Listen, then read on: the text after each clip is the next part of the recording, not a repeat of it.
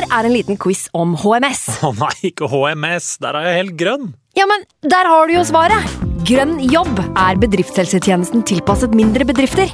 Våre HMS-eksperter hjelper mer enn 8000 bedrifter over hele Norge med alt fra lovpålagte HMS-krav til pålegg fra Arbeidstilsynet.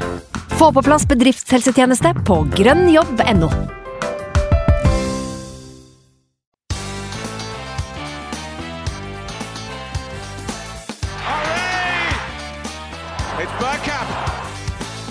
for grabs now!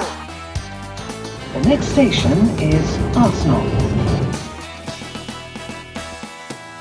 Hei, hei, og hjertelig velkommen skal du være til en splitter ny episode av Arsenal Station med Sivert Skarstein Eriksen, Magnus Johansen og meg, Simen Goffeng. Et tittelløp som hadde svunnet hen de siste ukene, hadde bare én siste krampetrekning i seg før Arsenal gjestet skogvokterne fra Nottingham. Og med skadeskutt tropp, laber innsats og null poeng måtte vi konstatere at sesongen ender med en for så vidt meget hederlig andreplass for Artetas menn. Men det har vært en skuffende avslutning, eh, til tross for at det har vært en veldig eventyrlig sesong, eh, Sivert. Det må vi kunne si. Eh, hva slags følelse sitter du igjen med nå, når det er 100% klart at vi blir eh, runners up eh, det året her? Nei, jeg har et veldig ambivalent eh, forhold til det hele, skal jeg være ærlig. Mm. Jævlig stolt, jævlig stolt av gutta.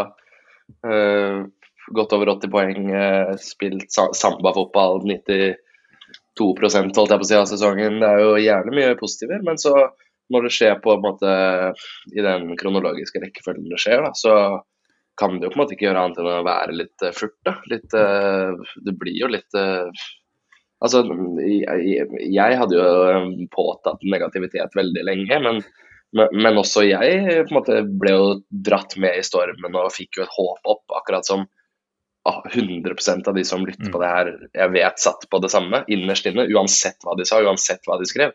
Uh, når det var igjen ni kamper og vi leda med åtte poeng og én kamp medspilt, så altså alle satt og, og trodde litt på det. da. Mm. Så at det skjer som det skjer uh, når vi på en måte har kamper som Southampton, Forest, eh, Brighton etter det. det, altså det er, eh, ja, vi snakka mye om Newcastle-Chelsea, men de gikk jo bra. Altså, det, det her var mulig. Eh, så det er jo, jeg er jo litt lei meg for det. selvfølgelig. Kommer jo ikke unna det. Altså, kan vi bare legge det her, slå det her fast med en gang? Altså, Ordet 'bottle it' det legger vi til side i den praten her. ikke sant? Det har vi jo sett uh, repetere seg nå på sosiale medier, og til og med i en del av disse studioene rundt omkring. Uh, det mener jeg er helt feil innfallsvinkel. Ja, det har selvfølgelig vært uh, kampscenarioer der vi har svikt avgjørende øyeblikk, eh, men at det handler om veldig mye annet enn at man er bottlers, det tenker jeg man må være, være tydelig på. Da. Dette her er en gjeng som har prestert til et maksimum av sitt potensial nesten hele sesongen. Eh, en relativt tynn tropp som etter hvert har blitt ganske prega av skader. Det skulle kanskje bare mangle at de marginene etter hvert måtte begynne å spille litt imot oss også. Ja, altså det her er jo komplekst. ikke sant? Det er jo City har jo vunnet omtrent hver eneste match etter VM. Det er jo et helt sinnssykt lag.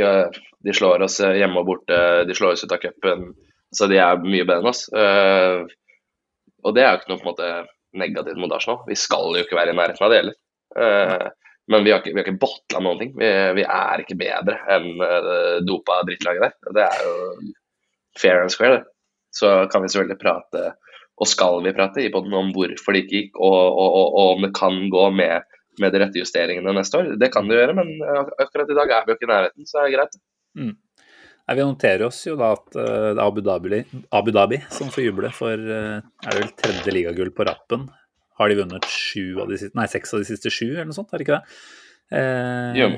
jeg har ikke noen ingen om å sende noen gratulasjoner i retning Etiad. Jeg har ikke sett den kampen der i dag, jeg har ikke sett noe særlig sikt i det siste. Kan jo bare gjette da på hvor heftig Fjørtoft eh, masturberte da han fikk eh, klemme og handshake eh, far og sønn Haaland etter kampen i dag. Jeg vet ikke om du gadd å bruke noe tid av livet ditt på det?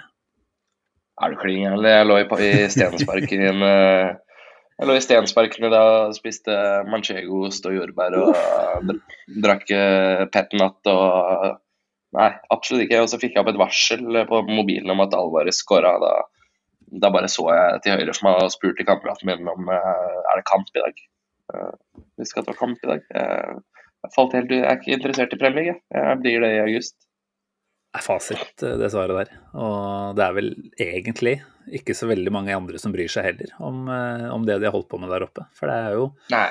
nesten artig å registrere hvor få som egentlig eh, vier City noe særlig oppmerksomhet. Altså litt mer negativ oppmerksomhet skulle de selvfølgelig fått, for det de holder på med der oppe er jo ikke Det er ikke rent spill i det hele tatt. Eh, får vi håpe at eh, Kanskje ikke akkurat Viaplay, men andre seriøse aktører kan hive seg enda mer på eh, de neste ukene og, og faktisk gå litt etter hva som har vært med å, å gjøre dette mulig for City, da, nok en sesong.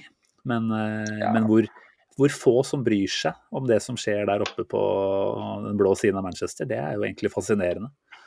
Er det noen andre enn engelske medier og norske medier som, som Altså mediene som bryr seg overhodet?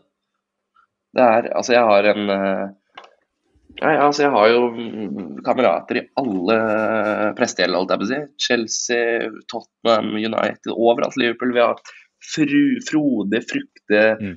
Intense diskusjoner i ni måneder.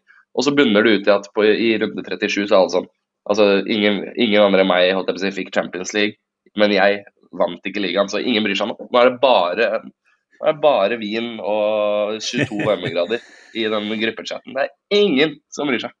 Vin og parkliv, det er jo det vi må rette fokus mot nå. Det var vel kanskje ikke sånn at Arsenal var på parktur allerede, eller? Jeg vet ikke, Det var jo litt snakk om at eh, hadde de tatt seg en tidlig tur på stranda og, og kasta sesongen litt grann eh, vekk. eh, jeg trodde jo virkelig ikke at det var tilfellet før den kampen her, fordi det Arteta kom med etter Brighton, det var jo ja, det var jo en smekk på kinnet, rett og slett, til en del av de prestasjonene som hadde skjedd der. Så nå skal vi gå litt, litt innom kampen i dag. Eh, men etter den kampen her så kan vi vel definitivt bare ta oppfordringen fra det var flere lyttere som, eh, som var inne på det. Willy på Twitter her annet eh, skriver Arsenal har tatt ferie, og det bør vi også. God helg.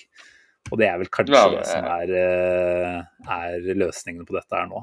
Eh, Bare, er, bare nyte en lang ferie. vi er jo en blodseriøs podkast, så hver, man- hver mandag skal det produseres innhold. Du føler litt på det, sånn. du. Måtte tidlig hjem fra Ja, parken i dag for, for å bli med her. Nei, men det var bare hyggelig. Altså, jeg hadde fått eh, kvota mi. Jeg, jeg, fikk, jeg fikk kvota mi. Altså.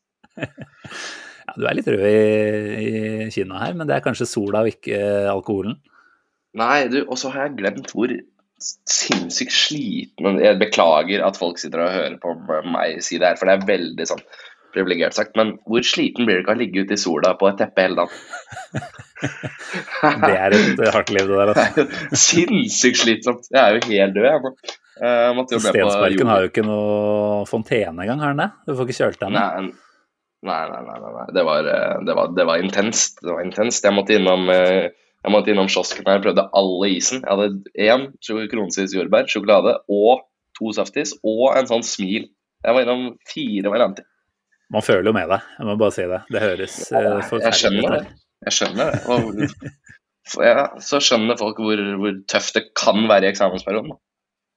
Ikke sant. Og det er jo vel unt eh, med en liten, eh, liten pause i ny og ne når du, du sitter og jobber eh, Jeg så vel i går at du sendte bilde fra skole, skolesalen, var det det? Eller var det Jeg foregårs? Jeg var oppe til vanlig arbeidstid og fikk litt timer før den virkelige sto, sola sto opp, ja. Så det er jo bare skuespill der. Ordne- ordne- Må jo ordne litt, da. Jeg skal vel Men, være så eh, ærlig å si at jeg kasta de siste 30 fra den kampen på, på grillen, bokstavelig talt, og prioriterte eh, hage- og grillmat eh, når jeg så hvor det bar i går. Så har vel sånn Ja. delvis begynt å koble av, eh, skal jeg være ærlig på, jeg også. Hva grilla du, da? Det er jeg er mye mer interessert i enn kampen. I går så var det noe så enkelt som en Angus-burger. Eh, Komponerende, kompo, komponerende perfekte burger for meg. Ok. Jeg kjørte på. Jeg vet ikke om det er den perfekte, men, eh, Mm. men det var det vi hadde i går, da. Så jeg må nesten Nei, nei, nei, nei jeg, skal ikke ha, jeg skal ikke ha gårsdagens. Jeg skal ha en perfekt burger. Når du har alt tilgjengelig. Ok, kjør da. Uh, Da skal vi ha barbecue-saus. Vi skal ha ett solid salatblad. Ja. Uh, Guacamole. Ok. Eh, Litt eh, stekt sjampinjong og løk. Det er jeg ikke fremmed for. Det er bra. Angus-burgeren må selvfølgelig ha cheddarost, gjerne dobbel eh, der. Ja. Og så må vi tenke litt her. Bacon på en god dag. Det, det er ikke alltid jeg tar meg tida til det, men du ba om den perfekte burgeren. Ja, perfekt. Da kjører vi to, to strimler med bacon oppå burgeren igjen der. Og så, hva avslutter vi med? Nå har jeg allerede brukt løk. Jeg vil egentlig ha litt sprøstekt løk på også, skjønner du. Det her er jo Eh, en sinnssyk variant, da. Nei, det er ikke så sinnssykt, egentlig. Det er jo ganske konvensjonelt. Uh, omtrent det jeg var borte i går. Foruten melkene, så, så var den vel omtrent på dette nivået her. Hvor er den klassiske bifftomaten og sylteagurken og, og, og burgerdressing her, liksom? Akkurat bifftomaten, den er jeg enig i, den hører egentlig med. Uh, agurk trenger jeg ikke på burger, i hvert fall ikke sylteagurk. Eh, og så har vi ofte en tendens til å ha bare de der små plommetomatene, og de er helt sjanseløse på burger. fordi når du setter på tre-fire sånne, da, så glir jo alt av til alle kanter, ikke sant? så da blir det ikke noe ordnings på det. Ja, du er klar over at jeg er den typen som drar på McDonald's, eh, går på i den selvbetjeninga, trykker cheeseburger, går inn på altså eh, customize, og så trykker på ekstra sylteagurk. Ja, Ja. det er eh, mine sylteagurker du skal få der. Yes. De hører ikke med, spør meg. Ellers en annen uh, sylteagurk. Den pasninga til Ødegaard før uh, 1-0 der, da. Deilig. Ja, det var vel den tredje på rappen omtrent, var det ikke det? Jeg vet ikke hva, hva han holder på med siste tida. Altså, det var vel samme mot Brighton, og så var det vel en hjemmekamp uh, før det igjen også. Husker ikke akkurat, jeg. Eller var det Western borte, kanskje. Ødda med tvers over i blinde tre ganger på rad her. Det hører ingen steds hjemme, egentlig, det. Altså Det vi satt og prata om i halvannet år, var jo at han aldri tok noe risiko, at det var så forutsigbart at det gikk eh, bakover på tvers. og altså Det er jo egentlig det at han slutta med det og tok mer risiko, som har vært nøkkelen for eh, det offensive spillet til Arsenal Den der. her. Eh, Så at det kommer Altså når du slår Jeg har ikke noe tall på det, men si at du slår 100 progressive pasninger, så er det jo skrevet i stein at det kommer et par sånne. Så det er jo kjipt at det resulterer i scoring. Jeg er for så vidt ikke uenig i det, og jeg heier jo på alle de sjansene han tar eh, når han spiller ball framover. Men problemet med alle disse tre nevnte pasningene er vel at de gikk omtrent i hvert fall ikke noe framover, men kanskje sidelengs eller bakover. Eh, Så det det var jo en, en eh, unødvendig pasning i egentlig alle tilfeller. Da. Men eh, jeg vil vel fortsatt påstå her jeg sitter at eh, Ødegaard er vår årets spiller denne sesongen her. Eh, I hvert fall i mine øyne. Og da, da tenker jeg vel at han skal få et slags fripass på at han har køla det til litt nå på slutten. Han er, han er årets spiller for oss, det er jeg helt enig men han er ikke den viktigste. For det har vist seg veldig klart at han er, han, han er fransk, og han har ikke spilt på en stund. Det er en fyr som har kommet ganske godt Altså, ikke misforstå meg, han ønsket jo åpenbart at dette her ikke skulle ende med at Arsenal endte opp på to-tre innslupne mål per kamp og alt det der. Men de kontraktsforhandlingene til William Saliba, agenten der, de ser jo ganske bra ut for, eh, for spilleren akkurat nå. Er. Der er det vel i hvert fall 10 000 pund ekstra per match Arsenal har spilt de siste ukene, som de kan kreve. Sette opp en sånn uh, før og etter eh, Saliba-liste på kontoret der uh, på, på, på, på Colony. Så får han råd til ekstra feriehus i Marbella. Altså, det er ingen tvil om. Men altså, for å være helt uh, alvorlig her, da er du trygg på at den forlenger, eller er du bitte lite grann uh, småbekymra for at det her fortsatt drøyer? Saliba? Ja. Nei, nei, nei, signerer han bare gærner. Vi skal jo ut i Champions League og hente Declan Rice, og vi skal jo ta over. Han klart han signerer. Han signerer jo både med høyre og ja, ja, han signerer jo alle papirene som finnes. Jeg, er ikke- jeg er ikke veldig bekymra selv, eh, og jeg tror det er rett og slett agentdrevet dette, at det tar litt tid. Da. Det handler om å skvise så mye ut som mulig, og, og kanskje ha noen klausuler da, som gjør at man har en enklest mulig utvei til f.eks. et Real Madrid eh, om en tre-fire-fem år eh, fram i tid. Men eh, Ja. jeg vil jo tro at han skjønner at han har veldig mange år på seg til å dra videre. Altså Arsenal er favorittklubben hans, så han er jo egentlig der han ønsker å være. Eh, og det ville vært rart å skulle dra derfra før man har fått vært med på det ultimate, som jo er å faktisk dra inn både liga og Champions League-gull. Ja, altså, det er jo, virker jo ganske klart eh, for oss at eh, ja, det er der han vil være. eh, Men han har høyere ambisjon Altså sånn han har et, altså europatoppen når det kommer til ambisjonsnivå. Så om vi, om vi ikke klarer å matche det i løpet av en fire-fem år, OK, dra til Real Madrid. Du har, du har vært dritgod for oss. eh, tusen hjertelig takk. eh, bøye meg i støvet. Men, men, men da er han jo ikke mer enn 25, ikke sant. Nettopp. Nei, Så det er jo. Ja, ja, det er ikke noe problem. Men eh, vi får prate litt, eh, litt om kampen aller først. Eh, og før det så må jeg egentlig bare nevne samarbeidet vårt med supporterklubben Arsenal Norway, som vi jo har nå på andre året, vil jeg tro. Eh, Magnus er jo den absolutt flinkeste til å dra gjennom eh, fordelene. og alle som lytter på den poden her, kan vel de omtrent utenat. Så jeg tenker jeg bare skipper det, eh, og bare kommer med en kjapp oppfordring om å melde dere inn. Nå er det slutt på sesongen snart. Planlegging inn mot en Champions League-sesong skal begynne i løpet av sommerferien. og Det skader jo ikke å være medlem av en supporterklubb som da kan være med å bl.a.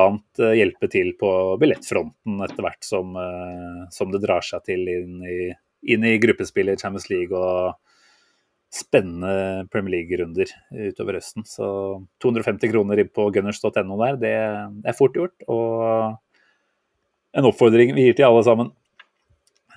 Der er vi tilbake igjen på, på kampsporet, Sivert. Og vi var vel egentlig enige om at vi skipper de mange detaljene rundt det som var en ganske brutal forestilling. Eh, kanskje Ja, det noe av det mer frustrerende jeg har sett eh, denne sesongen her. Altså, det var ordentlig hesteskostemning, og fremdriften var nesten fraværende.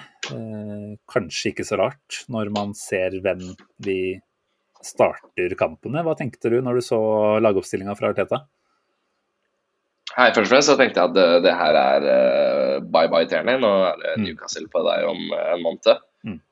Det var det aller første jeg tenkte. Rest, eh, altså, resten satt jo på en måte uh, seg selv på mange måter. Det var jo veldig interessant det her med at Party og Xhaka tok litt ansvar defensivt sa- sammen. Men det visste jeg jo på en måte ikke før kampen hadde spilt litt. Sånn, med, med en gang jeg leste lagoppstillinga, så ble jeg jo, måtte jeg klø meg i huet. da. Altså, altså, mot et, et, forslag som kommer til å ligge, ligge smalt og dypt, så burde det jo være en, en selvskreven sak å få den bredden eh, og farta til Terni. Men eh, ja, hva er det Hva sa du før vi, før vi begynte å spille med, at dette var en forsmak på neste sesong? Ja, jeg tenker jo det var det. Altså, særlig Tierney, som du sier. Eh, kunne jo ikke få noe tydeligere tegn på at han ikke blir her neste sesong nå. Eh, og det har vi jo skjønt at det har ligget i korta i månedsvis. Eh, at Kivior går inn på den posisjonen der, eh, kan jeg jo forstå, for så vidt. Eh, Jo, jo. Men eh, man kunne jo Jeg så også for meg at det kanskje skulle bølge enda litt mer fram og tilbake med hvem som trakk ned i forsvarsleddet, og hvem som gikk opp i midtbaneleddet. Da. Jeg ville jo kanskje i litt større grad trodd at det var Sjaka som gikk ned på venstrebekk, Kivior inn sammen med Gabriel, Ben White ut på høyrebekk, og så Party opp i midtbaneleddet. Eh, nå ble det jo litt av hvert, litt av alt, egentlig. Ja, det Eh, det. og det var kanskje det som var problemet her òg, at dette var noe vi ikke hadde fått trent eh, på, egentlig, i det hele tatt. Eh, Arteta sa det vel selv òg, det har vært utfordringer på treningsfeltet i dagene i forveien. Og det er jo helt åpenbart når vi vet hvem vi mangler, og når det i tillegg da Altså Zinchenko var jo ute, var han før, før Brighton-kampen òg, eller? Jeg husker ikke, men uh, jo, det var han vel, for da var Tierney Tierney med fra start. Men uh, Ja, Nei, altså, jeg, sorry. Nei, altså Vi har sett det her fra Pep uh, hele sesongen, at han spiller uten en ren uh, back i det hele tatt. som for så vidt Altså Vi har sett konturene av det fungerer utmerket godt. Uh, vi vet også at Lisandro Martinez var jo førstevalget til Arteta før Zinchenko ble henta. Det var jo klink. Det var klink. Eh, og Ben White var jo da allerede flyttet ut som høyrebekk eh, i forkant. Så at eh, Arteta har sett for seg en kontur hvor det ikke er noe ren out and out back, som, som Tierney jo er. Det er jo ganske klart. Og Kiver har jo på en måte den samme evnen som Lisandro, uh, Sinchenko, de gutta her, til å på en måte spre pasninger 60 meter og, og, og, det, og det greiene her.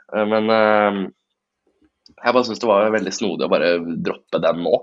Mm. Når du har hele sesongen, når det har, når det har øh, lønt seg å gjøre på en måte å vri og vende på, på instrukser og formasjoner for, for, å få et lite overgrep og for å gjøre noe uforutsigbart. Da. Så kommer den når det ikke er noen ting å spille mot, spille for, og så ser det ikke ut som det har vært forberedt. Det, det, altså, skulle gjerne sett at det har vært øvd på i seks måneder, i hvert fall. Mm. Nettopp. Et lite overgrep, syns jeg jeg hørte at du sa der.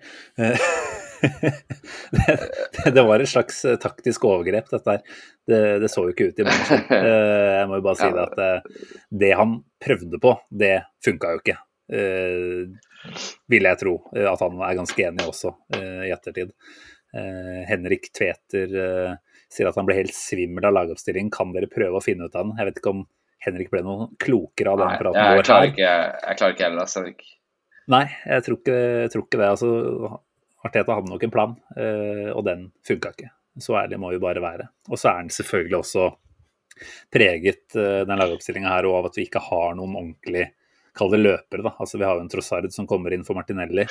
Uh, han er en flott spiller, men med så mange uh, Kall det ball i fot-spiller utpå der samtidig, da, så blir det litt for lite hissig, rett og slett. Og vi så jo også at han ikke var i nærheten av å være en breddeholder, eh, som du var inne på, i den første omgangen særlig. Så, så hadde vi vel omtrent ikke ballberøringer ute i den eh, ytterste venstre kanalen. Så når da også Reece Nelson er ute da, i den kampen her, så, så, står det jo også ganske tydelig for meg at vi, vi er ikke i nærheten av å ha mannskapet i den kampen. Eh, og da kan vi igjen begynne å snakke om denne bredden vår kontra City sin. Nei, nå har vi jo våre tre soleklart beste spillere, Bunta Saka, ute i Saliba Zinchenko og um, Martinelli. Uh, Mar Martinelli, ja. Takk. Uh, og det er jo ubestridt. Så, men jeg trodde ikke at måte, fallet fra de tre, eller tre veldig viktige spillere til, var så stort som vi har sett. da. Mm. Uh, ja, men det er som det er. Det er som det er. Altså, før, før sesongen så er det ikke en eneste forbanna journalist eller uh, fotballfan eller forstå seg på år som hadde oss topp fire. Så uh, jeg orker ikke sitte her natt, natt til mandag og gnåle om at vi er nummer to på 84 poeng. Det orker jeg ikke. Nei, det er så fornuftig tenk. Det er vel, uh, som du sa tidligere, etter, etter Wolves, ja, når du og Magnus skal over. Da tar vi innkasserer de tre poengene på, for, på forhånd. Ja, Vi kommer jo til å knuse Voss. De har jo ingenting å spille for. det. Altså, det er den kjedeligste kampen så isolert sett jeg noen gang kommer til å se øynene mine på. Bare for å spekulere, 5-0. Ja, spekulere litt angående Nelson, som jeg nevnte her. altså Det var vel skrevet at han var ute med sykdom, at han ikke følte seg helt bra. Eh, så var jeg freidig nok til å stille spørsmålet hvor reelt er dette? Eh, vi har jo hørt at han har uh, eh, takka nei til to kontraktstilbud fra Arsenal. Uh, det har vel kommet et tredje på bordet nå ganske nylig. Uh, Brighton ryktes å ligge ganske lang flate. Så er det vel også en del andre Premier League-klubber som godt kunne tenke seg Nelson inn i sommer. Tenker du at det var reell sykdom, eller tenker du at dette var en kamp han kunne ha troppa opp til om han var eh, ordentlig innstilt på å forlenge Arsenal-karrieren sin, mens han nå kanskje heller tenker at eh, nest siste kamp eh, Jeg spiller for eh, Eller jeg er egentlig i kontraktsforhandlinger med mange klubber. Jeg kan ikke ta noen sjanser nå på tampen. Hva tror du? Uh, ja, jeg, jeg tror Altså, jeg sitter ikke på noen fasit, så jeg velger å si at jeg tror du har mye rett i det. At uh, han kan ikke ryke på noe korsbånd før han skal drive og uh, telle penger mot uh, Brighton. Og også Jeg tror det absolutt kan være noe i det. Jeg har ikke tatt stilling, så jeg, håper vi beholder han. Jeg er veldig fan, veldig fan av Reece Nelson. Jeg syns da han kom på var det senest mot City borte, en, endra hele dynamikken. Jeg syns han er en klassespiller. Ordentlig eksplosiv og god. Ja, noe han er mye bedre på enn jeg trodde, var at han, jeg synes han tar de riktige valgene veldig ofte. Når skal jeg gå, når skal jeg spille tilbake, når skal jeg stikke? Uh, der syns jeg han er vel så god som de andre alternativene våre. Uh, og det er klart at når Brighton snuser på han, så, mm. som ligger på en måte, og vaker i de europaplassene, de òg, så er det jo en, en europaspiller der. Å ha, han, å ha han tilgjengelig. Om det bare så er på en måte gruppespill Champions League, cup, um, en Premier i ny og ne, som det jo er, selvfølgelig. Så er det helt, helt kurant. Jeg er kjempeglad i ham. Ja, nei, det hadde vært uh, ordentlig boost å fått han inn uh, Det var vel snakk om en korttidskontrakt. Man får nok ikke signa han på noe tre, fire, fem års uh, lengde, men nå fått med han i hvert fall neste sesong, da. for dette her begynner jo å se ut som en tropp som både kommer til å miste noe, og som også før det trengte flere solide rotasjonsspillere. Jeg syns Reece Nelson har bevist at han er og kan være det den sesongen her. Om noe så har han vel egentlig fått litt for lite spilletid de siste rundene. Jeg må titte kjapt gjennom her og se at det stort sett er snakk om innhopp på mellom, mellom 15 og, og 5 minutter, egentlig. Så jeg forstår det, at han ikke nødvendigvis er happy med, med den tida der. Eh, håper allikevel at han kan la seg overbevise om å ta et, et år til. Eh, bli med i Champions League. Eh, Brighton kan vel nå friste med Europaliga, eh, men der har jo Reece Nelson vært eh, i årevis, egentlig. Så jeg tenker så. at eh, en, ett år i Champions League nå, og så heller gjøre en ny vurdering til neste år, det, det håper jeg virkelig han gjør. Så skal det jo også nevnes at det er jo Altså denne sesongen så har jo Reece Nelson spilt seg litt uh, varm i trøya. Han har jo skapt et navn for seg selv i Premier mm. League for første gang. Så på en måte er det en sommer han har en overgang til Brighton liggende foran ham, så kan det være nå. altså. Eh, eh, et år til som eh, på en måte eh, halvskada rotasjonsvalg hos oss er ikke nødvendigvis at eh, Europa League-klubbene står, står, og banker på døra om et år da. altså. Nei, utvilsomt. Markedsverdien hans sånn i forhold til hva han kan kreve eller håpe på i en kontrakt et annet sted, den, den er ikke nødvendigvis høyere om et år. Det er helt klart. Så, så, han gjør nok eh, på mange måter dessverre rett i å, å ture videre allerede nå. Det, det er nok eh, en erkjennelse vi bare må, må gi, og, og tenker jo at eh, hadde han opplevd større tillit Han har fått en del tillit, men han kunne definitivt ha fått mer. og Det er jo kanskje et av de ankepunktene vi har mot Arteta denne sesongen, er at Reece Nelson blant flere skulle hatt flere minutter. Så er det selvfølgelig jævlig lett å sitte her og si det, når kampscenarioer ikke nødvendigvis alltid tillater Eh, den rotasjonen vi kanskje etterspør nå i ettertid. Da. Men, eh, men, jeg føler vel at det går an å påstå at det er noe vi har, har sagt underveis også. Sørge for å holde litt flere spillere både varme, men også kalle det tilfredse da, med sin eh, posisjon eh, i, i, klubben. Enig. Mm. Eh, ser jo her bl.a. når vi snakker om Martinelli at eh, vi har jo da ikke skåra et mål siden han eh, traska av banen eh, mot Brighton. 160 minutter har vi spilt. Forest hadde jo ikke hadde jo ikke holdt nullen, de, i sine 15 siste kamper før vi kom på besøk. Så det er en ja, hva vi kalle det, en erkjennelse av at her har det gått ordentlig feil vei nå på slutten av sesongen. Vi har jo sett ganske tamme ut uh, sammenlignet med tidligere. Og dessverre også ganske uh, enkle å spille ut uh, fra et defensivt punkt. Da. Hvordan så du det baklengsmålet? Syns du vi bare var uheldige, eller bortsett fra Ødegaard sin feilpasning?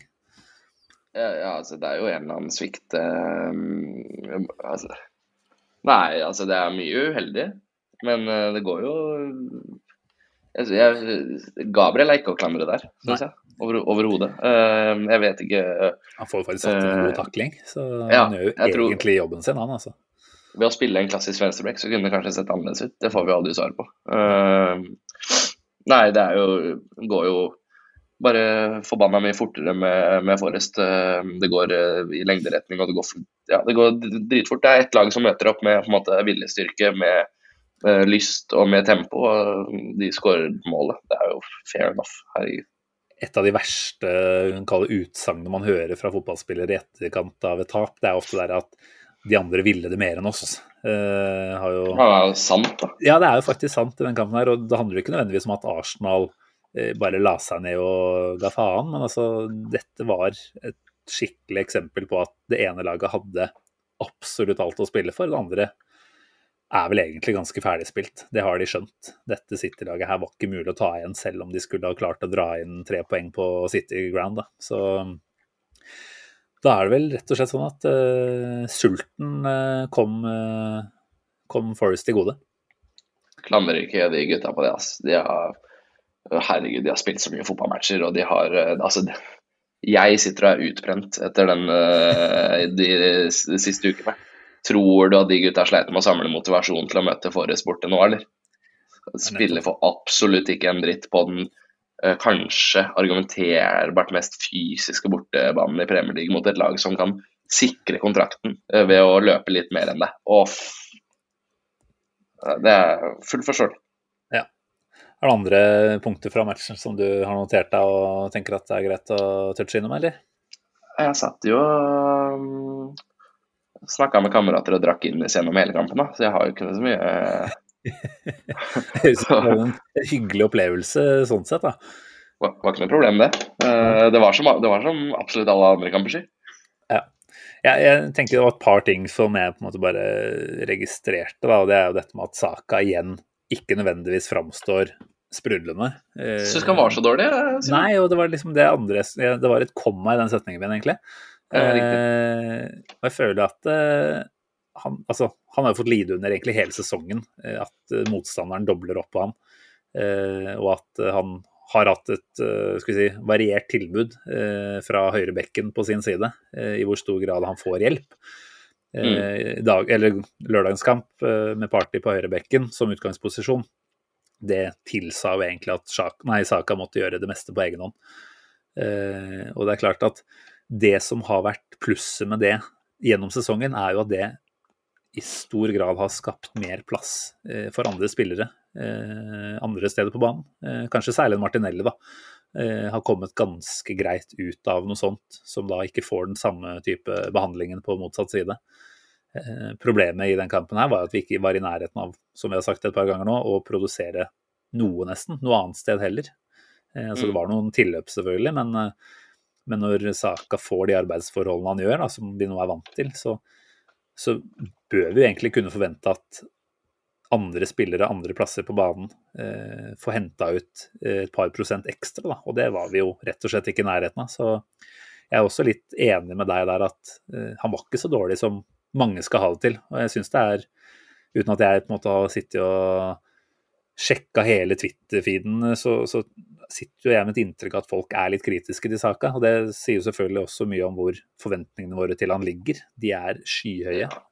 Ja, altså det er når det begynte å dra seg til litt uh, i januar-februar, uh, så satt vi jo her.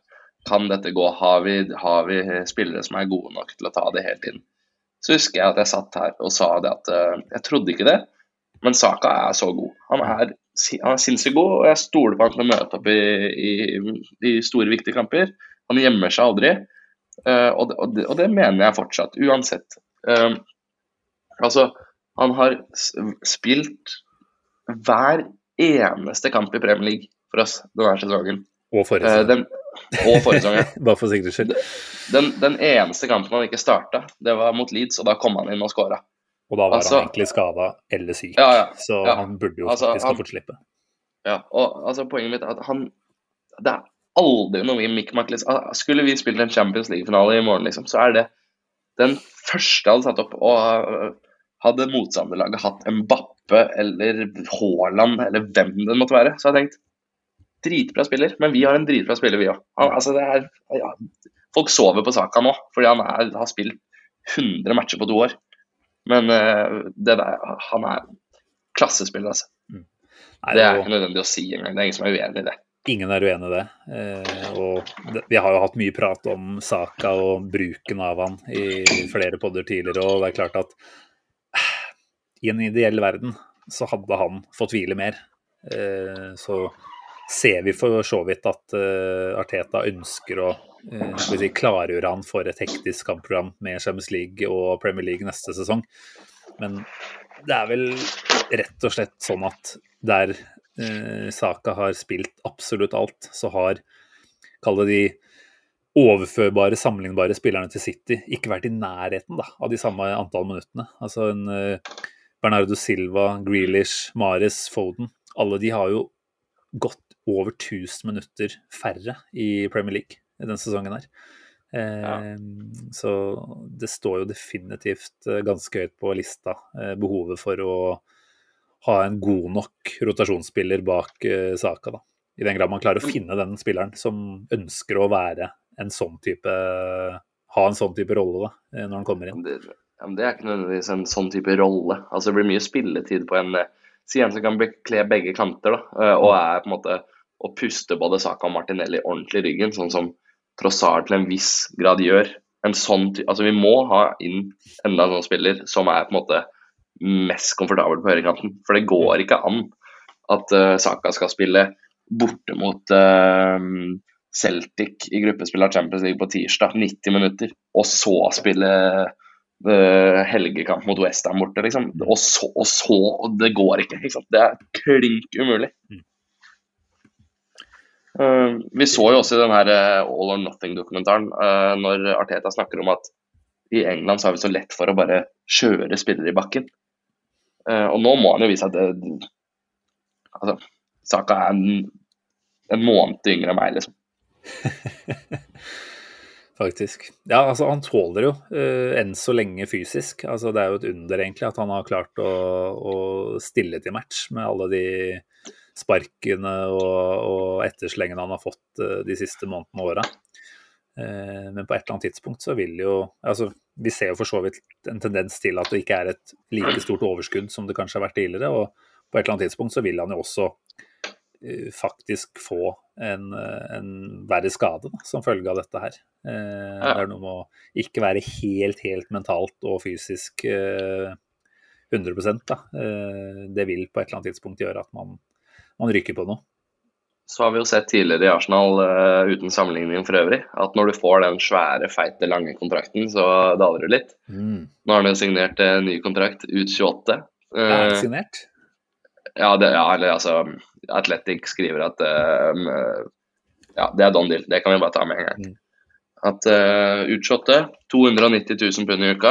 Uh, det er jo 15, 15 millioner pund i året. Så satser på at det ikke var pengene som drev han, i hvert fall. For nå er han uh, Det, det er Salah-penger, så da satser jeg på at han leverer på Salah-nivå. Mm. Agreed. Siste jeg bare noterte meg fra kampen, eh, ISR. Hvor blei han av? Vi så ikke noe til Smith-Roe i en kamp hvor vi trenger scoring.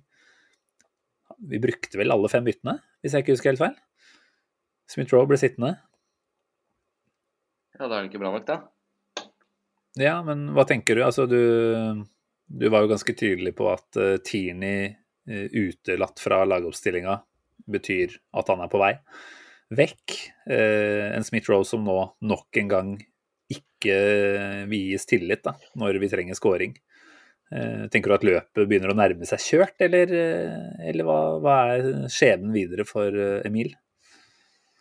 Nei, altså Det er jo en uh, spiller som vi har sett toppnivået hans tidligere er blant de bedre i Premier League. Eh, han var jo toppskåreren vår forrige sesong. Det er en klassespiller inni der. Men eh, hva som er problemet, det vet ikke jeg, og det vet ingen. Det er ikke fortalt, det er ikke eh, kommunisert på noen som helst måte. Eh, om det ikke er noe, så er altså om han er fit og sitter på benken og er eh, kampklar og sprudler, så er jo behandlingen til Arteta av han veldig rar. For altså, vi har jo allerede røket ligaen, f.eks. Hva er problemet med å, med å spille han fit, i så fall? eh, Og gi han noen minutter. Men så er det jo sommer, han skal jo ligge på Mykonos nå i en måned uansett. Så, så jeg, jeg mener at det, her må vi bare gi han en full preseason. Og så det, altså, det må ikke skje noe før januar. I hvert fall. Jeg mener, jeg mener ikke at et utlån er nødvendig med Smith-Roe. Jeg mener i hvert fall ikke vi skal selge ham, for det er en klar spiller der. Jeg, jeg fortsatt en knapp på at han blir. Eh, kanskje aller mest pga. at vi har såpass mange spillere foran han i køen som vil være aktuelle for en overgang. Jeg tror det rett og slett må begrenses litt hvor mange utskiftninger vi gjør. Og da tenker jeg at han ikke skal prioriteres på, på en sånn måte. Eh, som du sier, han har jo ikke hatt en eh, skadefri sesong i det hele tatt her. Eh, den har vel helt siden starten av vært prega av, eh, av setbacks og ny operasjon og sånt. Eh, husker ikke akkurat eh, kronologien i den skadehistorikken der, men han trenger en bra, bra preseason. Det er hevet over tvil. Ja. Okay. så blir jo spørsmålet mitt, og Magnus uh, snakka litt om det tidligere òg, at dette med at eh, laget har muligens utvikla seg såpass mye og såpass raskt mens han har vært ute, at han kanskje rett og slett har blitt eh, fraløpt, eh, bokstavelig talt. Ja, Eh, det kan det være noe i. og kan være noe i. Og så er det da kanskje det andre spørsmålet som flere har stilt rundt uh, Smith-Roll. Hvor gode er holdningene hans? Uh, og det føles jo litt spesielt ut å skulle sitte her og uh, stille spørsmål ved, ved en eh, profesjonell fotballspillers uh, holdninger, eh, når han tross alt er der han er. Eh, men altså, altså Vi kan jo på en måte tenke at alle som kommer dit de er i, i en Arsenal-tropp, er seriøse idrettsutøvere, men så må du kanskje allikevel ha det lille ekstra, da. Og Arteta har vært tydeligere enn noen på at han forventer det ekstra fra sine spillere. De skal være proffe til fingerspissene i alt de foretar seg. Eh, så vet vi at Smith-Roe har et litt eh, komfortabelt forhold til eh, egen, eget matinntak, eget kaloriinntak. At han kanskje har vist at han kan kose seg litt mer enn enn hva som er godt for han. Eh, skal ikke jeg si at det er fordi han bestiller for mye takeaway direkte her, men, men kan det være noe i det? jo? At det rett og slett er holdninger her som ikke er altså som ikke er helt kompatible rett og slett med, med den personligheten Arteta ønsker fra spillerne sine? Jeg beklager at du la opp den så lenge, for det har ikke jeg mulighet til å kommentere. Jeg tror ikke det. Folk må sitte og høre på en Vi vet ikke. Vi vet ikke. Hvem er, hvem er den dysten her? Han sier jo bare at han ikke veit hva skal ha med en podkast. Herregud. Det er vårt privilegium. Det er, vi, kan, vi kan stille de unødvendige og kalle det også dumme spørsmålene. Eh, åpenbart så vet vi ikke, men, men at noe, noe skurrer rundt Smith-Roll, det er det ikke noe tvil om. Er det gærent? For, å, for å ikke kødde det bort, da, så er det jo utvilsomt om det er på holdninger eller bare fitness, som begge deler er eh, klink godkjent grunn til å ikke spille for det nest beste laget i England, så er eh, han ikke god nok per dags dato. Mm. Poenget mitt er at jeg tror han blir det. Så jeg har lyst til å gi ham en, eh, en sjanse til. Ja. Nei, det er fint om han blir det hos oss. Altså, det er tieren til Arsenal vi snakker om her. Eh, Ja, er du gøy? Han skal ikke ut, ut på noe bakgårdsklubb eh, oppe i Birmingham, han. Jeg ser for meg folk sitter og hører på en podkast og bare Nei, gå og sett deg ut i parken. da. Det du, du svarer jo ikke på noe han lurer på, jo. Nei, du er jævlig vanskelig her nå, jeg skal si det. Nei, men altså, igjen da, siste, siste poeng rundt det der. altså Dette med personlighet eh, på spillere, eh, uten å skulle nødvendigvis trekke en direkte sammenligning til Nicolas Pepé, så var jo det en type, virka det som, som hadde behov for å både kjenne den armen rundt skulderen og føle seg litt viktig. Jeg husker vel at han snakket om etter et eh, Afrikamesterskap at han kom tilbake og kjente at han hadde vært viktig, og at det var noe som trigga noe i han. Eh, og så kommer han tilbake til Arsenal og spilte vel knapt resten av den eh, vårsesongen der.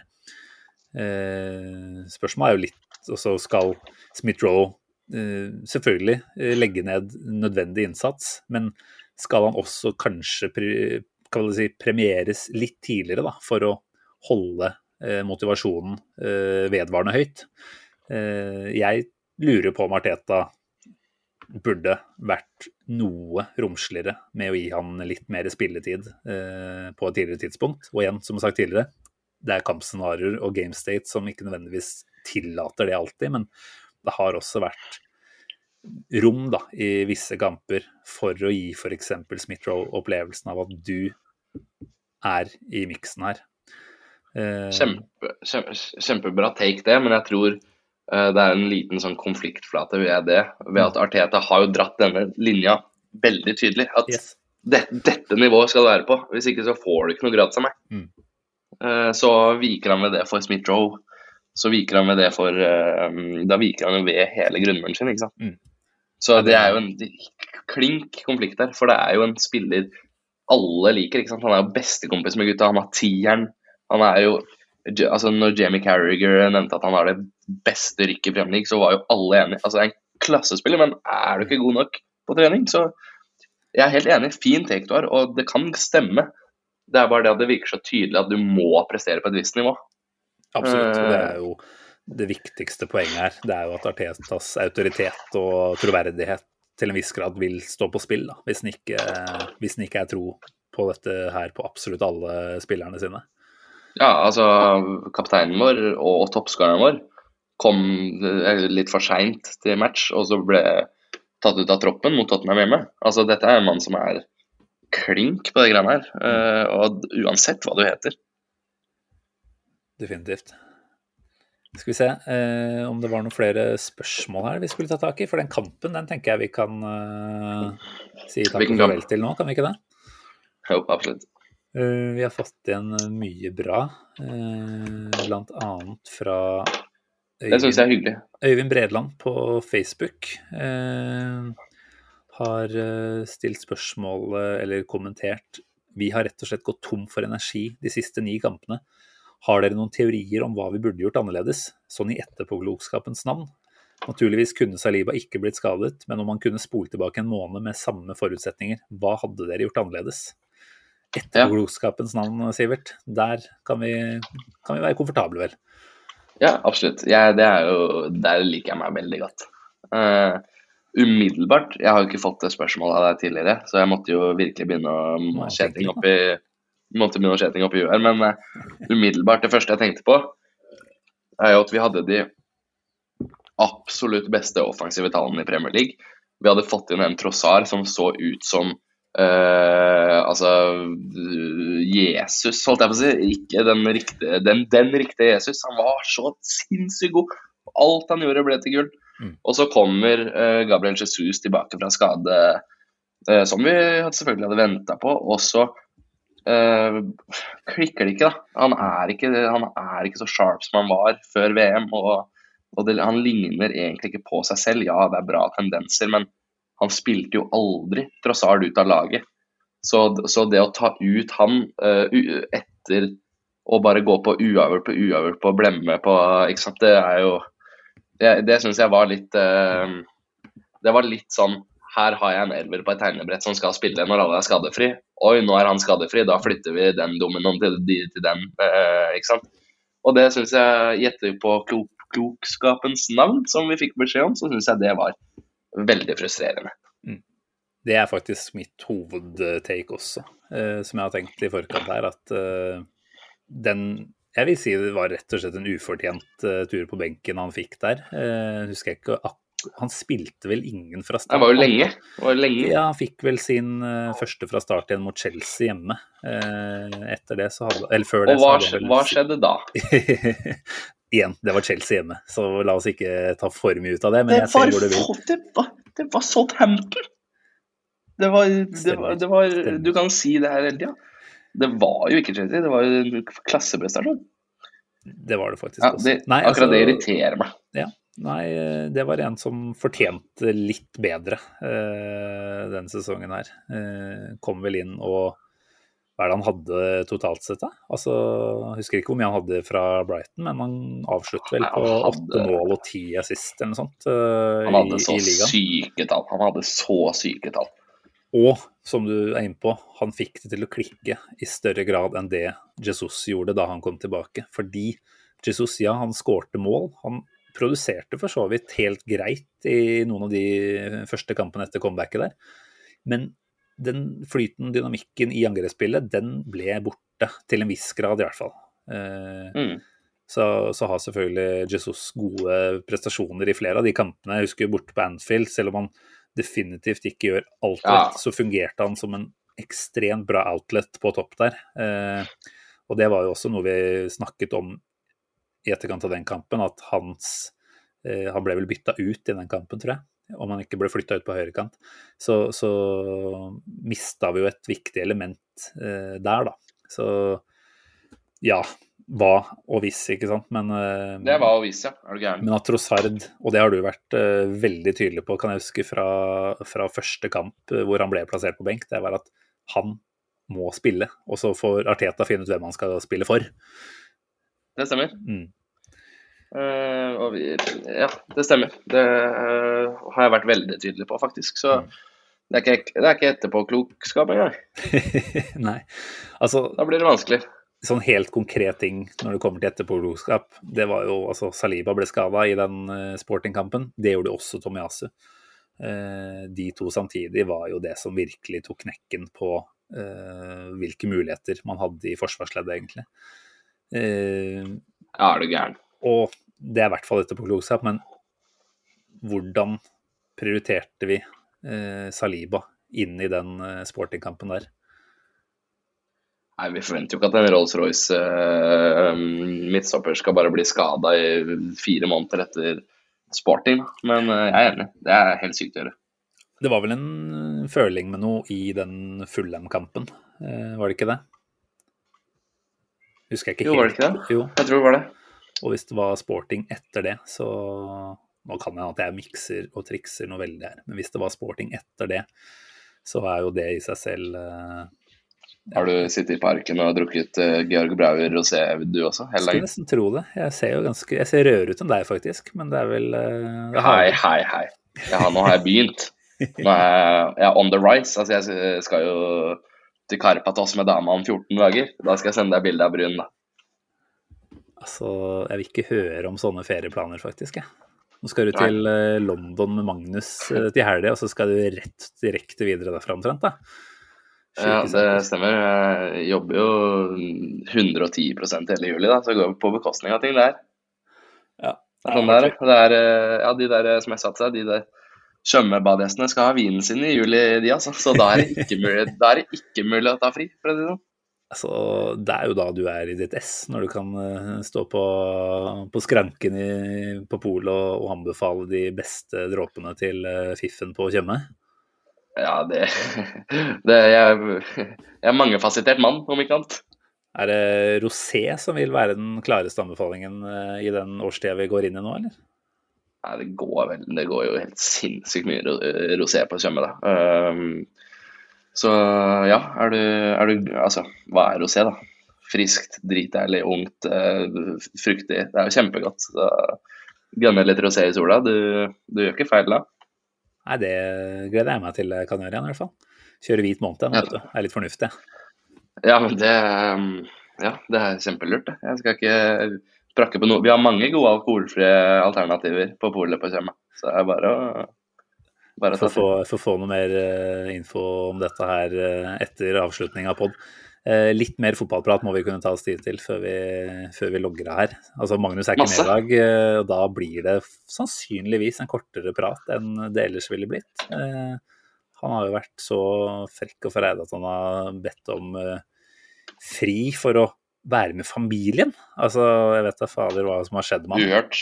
Uhørt. Ja, merkelig prioritering, men jeg, jeg, vurderer å sende melding til, til da, um, fruen uh, i huset her og spørre om, har, om, hun har blitt ordentlig varta opp. For det, det, er jo en forutsetning når du på en måte legger opp til fri for å ta vare på, på, på din bedre alder. Ja, da bør han jo definitivt sørge for å skaffe seg nok plusspoeng til å kunne gjøre ja, både dra på viddetur og, og dra på London-tur de neste ukene. Det er litt det samme, tror jeg. for, uh, for Magnus. Litt balsam for sjela. Det trengs nå på slutten. Kjernekveld. Eh, det er den. Det er den. Skal vi se Ja, jeg ser jo også at vi, vi snakka litt om Smith-Roe her uten å ta med spørsmålet til Gunnar Jonsson. Eh, han fortjente jo for så vidt å få en shout-out på det. Eh, han eh, spør jo da når vi trenger mål og Vieira kommer inn. Så han var som barnemat for Forest. Hvor eller hva i helvete skjer med Smith-Roe? Som går fra å være supersub i fjor til ikke få spilletid. Nå må vi kreve svar fra Arteta.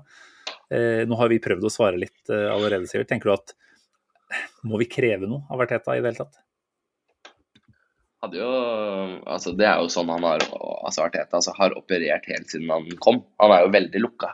Det første han begynte med, var jo å på en måte si at nå er det ikke noe uh, muldvarper i klubben lenger. Alt Eh, det er sinnssyk internjustis hos oss, og alt foregår bak lukkede dører. Vi får jo ikke vite eh, hva som er på menyen i kantina der engang. Så selvfølgelig, det hadde vært fantastisk å vite, men det er jo Det skjer jo ikke. Nei. Nei da, vi får bare leve i uvisshet og tro. Vi tror vel at Arteta har kontroll på det meste som skjer uh, innafor veggene der. Eh, Ja, det er gæren? Nå har han jo, fått seg en eh, bikkje og oliventre, så nå er det jo Ja, det var en, eh, en labrador, var det ikke det? Som heter Ja, det eh, Win. win, ja. Dårlig debut da, for eh, labradoren, eh, som går på tap i første kamp. Eh, kan det bety at det rett og slett har vært litt for mye kos på treningsfeltet de siste dagene, og, og litt for lite terping på taktikk? Win var i hvert fall ikke med til Nottingham og løfta seg. Det er tydelig. At du fikk, altså Win fikk et sånn tyggebein, og så ble det lagt igjen på Colmy. Det er jo helt tydelig. Her har du sånn dentastikk, og så bare får du klare det. Stakkars Win. Kommer tilbake eh, gutta nå etter helga og, og lurer på hva i helsike dette er for noe dårlig karma den bikkja har eh, ført over på dem. Det er dårlig. Hvem er det som passer på Win når eh, alle er på, på kamp og hjemme? Nei, det må jo være en eller annen eh, hmm, Ja, hvem passer på Win, da? Nei, skal vi se. Det kan jo være Tomiyasu, da, som, eh, som eh, drar på en måte Nå er jeg skada, så nå, nå går jeg og mater Win, og så tar jeg meg en massasje. Ja. Tomiyasu er typen som kan se, som jeg ser for meg kan ta med seg bikkja hjem og, og dra på en ordentlig rusletur i skauen. Eh, holder en knapp på Tomiyasu, ja, at eh, Tomiyasu bare Nei, nå skal Win være med til meg. Og så får, og så får han noe Så får han noe sånn leftover sushi og ja, en labrador er. Tomiyasu-bikkje. Og så ville jeg tenkt Saliba er eh, litt for eh, Han skulle hatt en, en tøffere type, kanskje. Nei, Saliba, Saliba, Saliba passer bare på sånn dobbermann. Det, Ja, jo, det er faktisk, ja, eh, sånn i- svær, dob, svær. Noe i den gata der som hadde kledd han. Skal ikke jeg begynne å snakke om at, at en hund for så vidt representerer eieren sin eh, Det gjør jo det. Det er jo bevist. Ja, Har du hørt hva jeg er for en eh, bikkje, da? Nei, hva er det? Det er jo Henry, da, som nå er snart tre år, faktisk. Han har jo vært med siden den poden her starta omtrent. Han har ikke fått så mange gjesteinnslag fra han i det siste. Det mye bjeffing og juling i starten. Eh, Han er jo en deilig miks av chihuahua, kinesisk nakenhund med pels og papillon. Som sannsynligvis høres ut som noe av det jævligste du kan tenke deg. Jeg må på Google nå, så jeg ble livredd. Jeg tror ikke, tror ikke det fins bilder av det der omtrent. Er det en sånn, der, er det sånn liten søting med ører her? Han er eh, både liten og har svære ører. Herlig, vet du. Har jeg ikke sendt deg bilde av Henry? Det får vi ordne etterpå.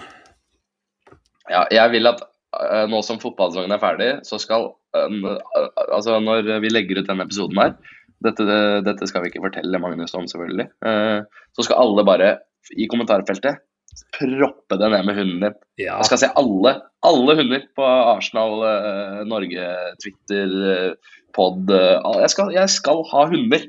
det er et godt initiativ, Sivert. Det har jeg lyst til å se også. Ja. Det er jo det hyggeligste i verden, rett og slett. Altså, du, du passer jo en katt i kveld, så det er jo ikke helt i den gata, men, eh, men eh, en dyrevenn er du jo tydeligvis. Og, og, en, Jo, jeg er glad, glad i bikkjer òg. Jeg, jeg vil se hunder. hvis, hvis noen har dressa opp den bikkja i Arsenal-merch på et eller annet vis, så få det på, vær så snill.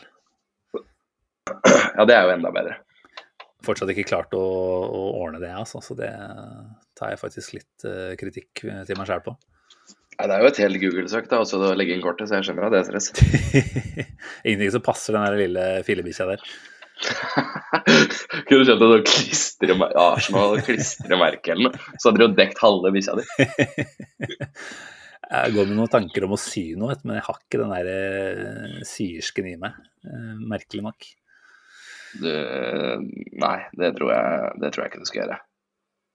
Men Eh, ok, tilbake igjen på, på sporet, Sivert. Ja. Vi har for så vidt vært innom ordet kapitulasjon tidligere, men vi får spørsmål her igjen fra Henrik Tveter. Mm. Det er langt igjen, selv om det har vært framgang i år. Kapitulasjonen på slutten av denne sesongen er vel så stor som den i fjor. Ni poeng av 24 siste eh, på de siste åtte kampene. Ser bare litt bedre ut fordi utgangspunktet var bedre. Denne troppen har store hull og svake punkt. Eh, hva gjør du da av tanker når du hører at man drar en sammenligning opp mot det som skjedde i fjor? Altså andre scenarioer med fjerdeplass på spill og en annen tropp som, eh, som eh, gjorde jobben. Men tenker du at det er noe i det? At, det er noen kapitulasjonstendenser nå som begynner å bre seg litt i, i, dette Arsenal-laget her? Ja, det, sa, det, er det helt klart. Det sa jo Ramsdale òg, var det i går. Han sa det, at følelsen i garderoben var ganske lik den, den i fjor, når vi missa ut på topp fire. Det var et jævlig godt tegn, egentlig. Ja, Fordi var det noe Ramsdale var tydelig på før denne sesongen, så var det at de brukte Det var vel en sånn The Fire in the Belly eller noe sånt. At han snakka om det som skjedde på tampen av fjoråret.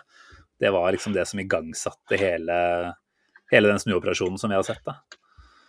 Ja, altså Det handler jo bare om å misse ut på målet ditt, og at du blir forbanna på det. Og at på en måte den målstreken er flytta fire hakk opp. Da. Mm. Det, er helt, det, er jo helt, suverent. Vi snakka jo om tidligere denne sesongen at vi tror spillerne er litt drevet på det som skjedde forrige sesong. At det er, at det er en liten jævel som bor i de som er sånn nå skal vi, nå skal vi ta rotta på Nå skal vi inn i topp fire, på en måte. Mm. Uh, det kan vi fort se noe likhet, uh, likhetstegn til neste sesong, hvor åh, det var så dritt forrige sesong. Nå skal vi Nå er jeg drittlei City, ikke sant. Nå skal vi vinne. Det kan fort skje. Det, jo, det må jo håpe, det. Det er jo håpet. Uh, så er det jo Altså uten at det er altfor tidlig å på noen som helst måte dra disse konklusjonene her, men eh, allikevel en ørliten historie som gjentar seg nå, da, flere sesonger på rappen, hvor vi kan du til en viss grad si svikter i de mest avgjørende øyeblikkene. altså eh, Europaliga-exiter mot Olympiakos og Villarreal eh, på litt forskjellige måter, men uforståelige måter eh, likeså. Eh, fjorårssesongen, eh, hvor vi er i en veldig god posisjon og allikevel ikke får eh, foten over eh, målstreken før eh, nærmeste konkurrent. Og også i år da, er i en god posisjon. Og så igjen, dette handler jo ikke om å ta vekk noen ting fra den jobben Arteta har gjort, for han har løfta det laget her til nye høyder eh, hele veien. Og det er jo det jeg også tror kommer til å skje neste sesong. Men er det allikevel et lite sånn bekymringstanke eh, som brer seg om at Arteta ikke nødvendigvis i de absolutt eh, mest high pressure moments klarer å si, være en så effektiv manager som man trenger å være da, for, å, for å klare å påvirke spillerne så positivt som mulig. Eh, ja. Vi har jo snakka om at spillermateriellet hans ikke har vært eh, godt nok. Og det er det kanskje fortsatt ikke for det vi har kjempet om i år, et ligagull.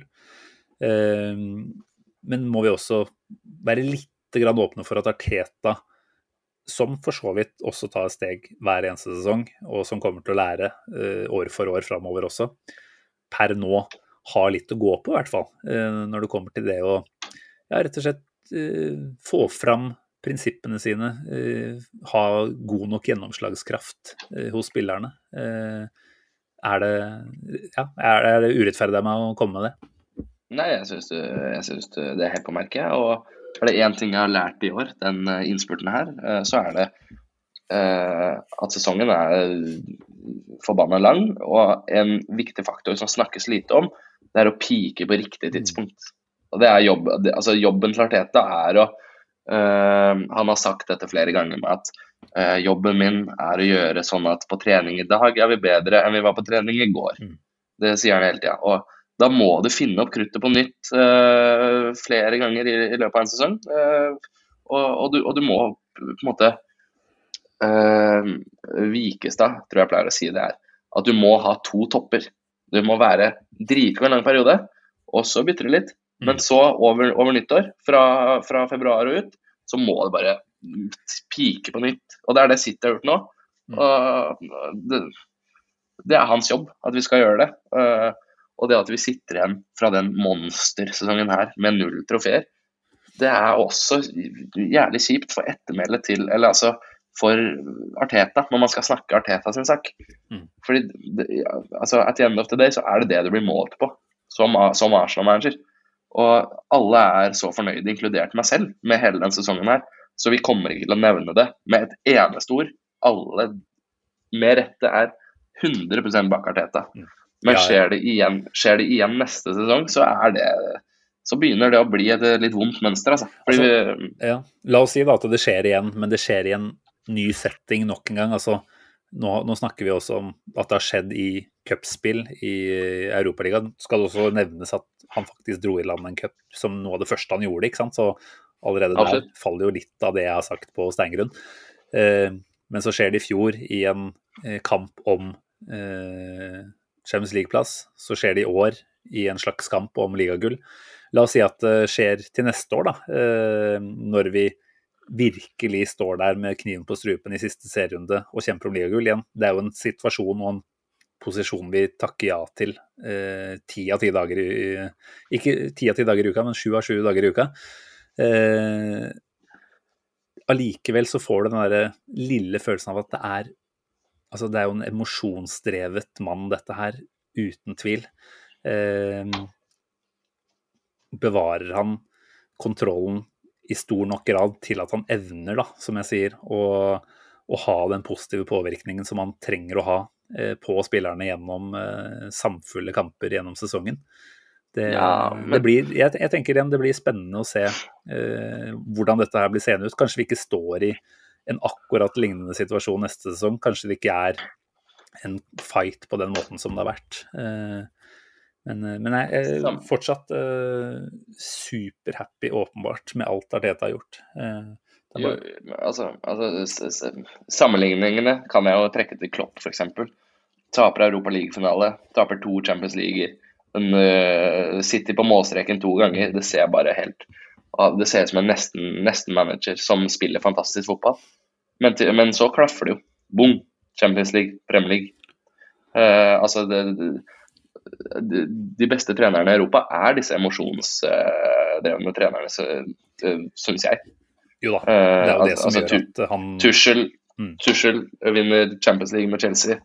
Uh, Klopp, Arteta, Pep. Det er det altså, Nei, Vi får bare se. Uh, kjempefornøyd med sesongen. Ja, ja. Altså, det er de emosjonene som har tatt Arteta dit uh, han har kommet, og dit Arsenal er. Så for all del. Det er ikke noe å, å kritisere det. Og, og, når du snakker om Klopp, så ja, den treneren han er, har sørget for mye av det Liverpool har gjort. Men det er også gullspillere i sin aller beste form da, som har vært med å, å ta han til de triumfene han har gjort. og det er jo igjen kanskje det Arsenal har sett at har svikta litt nå på tampen igjen denne sesongen. Det er at våre absolutte nøkkelspillere har hatt en slags liten dupp og ikke vært så potente som vi kunne ønske da, når det virkelig, når det virkelig er mest på spill. Mm. Mm. Right, right, right. Uh, skal vi se, var det noen flere spørsmål? Yeah, right, right, right. det er lenge siden jeg har hørt fra. Har han gjemt seg bort om dagen? Han er vel lei seg som alle oss andre, da? Han er vel det. Fornuftig å være, være stille, da, hvis det kan komme mye edder og galle. Det er jo ikke helt hans stil, for så vidt. Nei, absolutt ikke. Ok, Vi må ta et spørsmål til her som for så vidt går på spissposisjon, og for så vidt inn mot sommeren. Eh, et par innspill fra et par lyttere. Stig Nilsen på Twitter eh, skriver om kampen. Eh, ingen Alan Smith å slå på. Vi har ingen goalgetter. Vi spiller med en falsk nier på topp. Skal vi ta steget videre, må det oppgraderes. Eh, I tillegg til at vi har et innspill om eh, det samme fra Vegard Paludan Helland, som spør om bare jeg som syns Jesus ikke har vært noe bra de siste kampene. Eh, så er det Mr. T, Tony Larsen, som påpeker at Gabriel Jesus skaper ikke noe i kamper som i dag. Vi trenger, mer, vi trenger en mer dominant spiss. Jesus lander vel nå på i hvert fall tosifra, eh, men eh, ikke så mye mer heller. Eh, City lot den gå fordi han ikke skårer nok mål. Nå skal det sies at han har ja, vært med å fasilitere målpoeng for både Saka, Martinelli, Ødegaard gjennom hele sesongen. Så at Arsenal som total har skåret mange flere mål denne sesongen her som følge av Jesus, det tenker jeg vi kan heve over tvil. Men hva, hva tenker du om Jesus som vårt første og på mange måter nesten eneste eh, spissalternativ, eh, sånn som ting ser ut akkurat nå. Vi har en Nketia her, selvfølgelig, men magefølelsen min tilsier at eh, han kanskje vil vekk, og at kanskje eh, Arteta ikke har den nødvendige tilliten til ham. Eh, hva er ditt eh, ståsted når det kommer til spissposisjon? Nei, altså han er jo en klassespiller, utvilsomt. men du så jo et grep Pep gjorde flere ganger, var jo å sette han ut til høyre. Mm. Uh, kan han fungere som et Saka-alternativ? Uh, kombinert selvfølgelig med å starte flere kamper som spiss.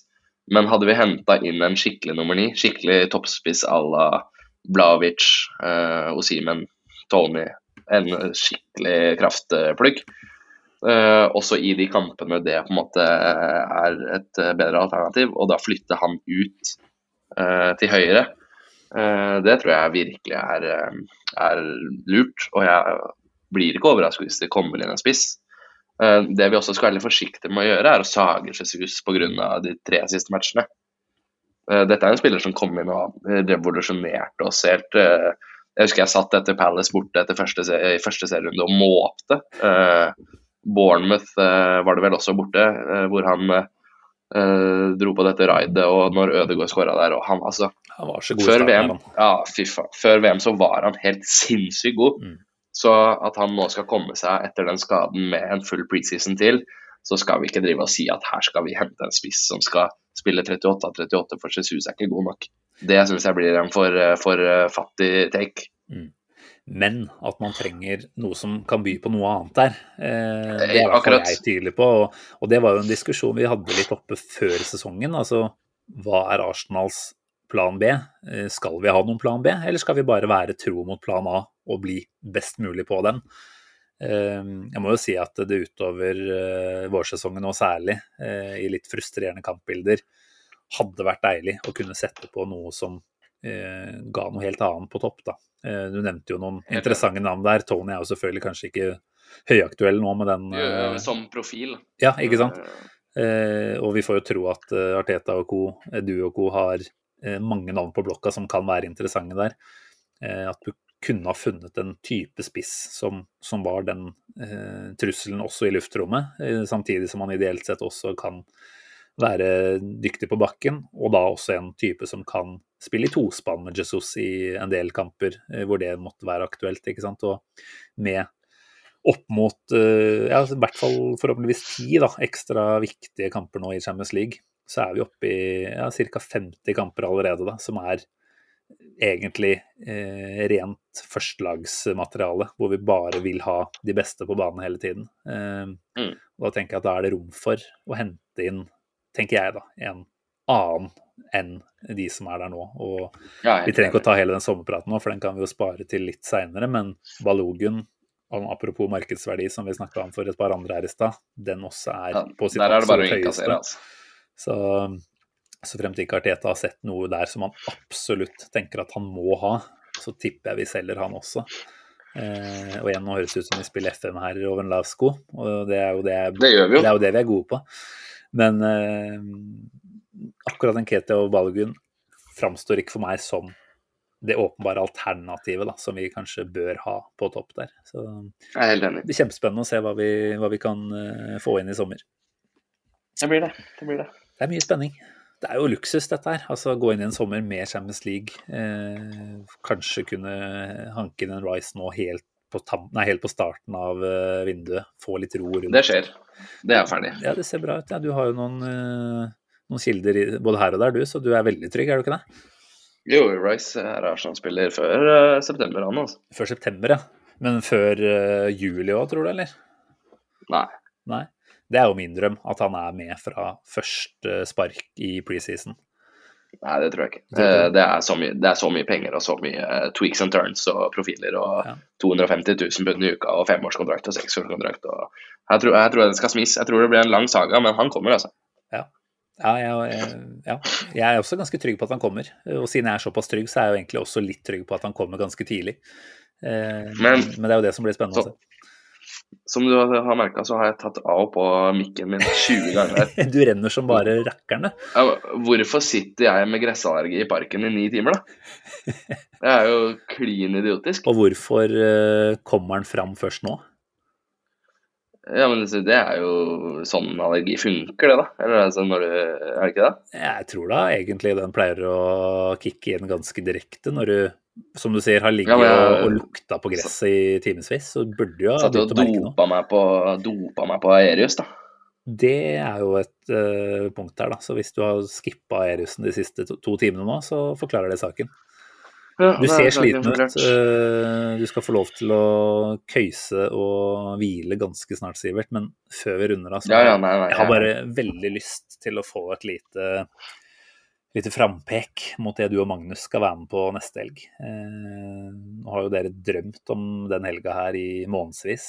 Eh, Så ble det vel kanskje ikke så mye eh, å få ut av den helga som man håpa på. Eh, men allikevel, det skal over, og det skal hylles en uh, sterk sesong. Og ikke minst så skal det sannsynligvis da, tas avskjed med flere spillere. Uh, si noen ord om hvordan du har planer om å Eller du og Magnus har planer om å bruke de neste dagene i London.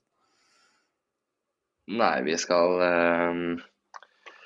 Vi skal Vi har booka bord med 25-30 av de kameratene mine der borte. Skal ha sånn bottomless eh, brunch fra morgenen, den på kampdag. Og bare eh, drikke billig Prosecco og eh, snakke skit. Så skal vi se match, vinne 4-0, klappa gutta.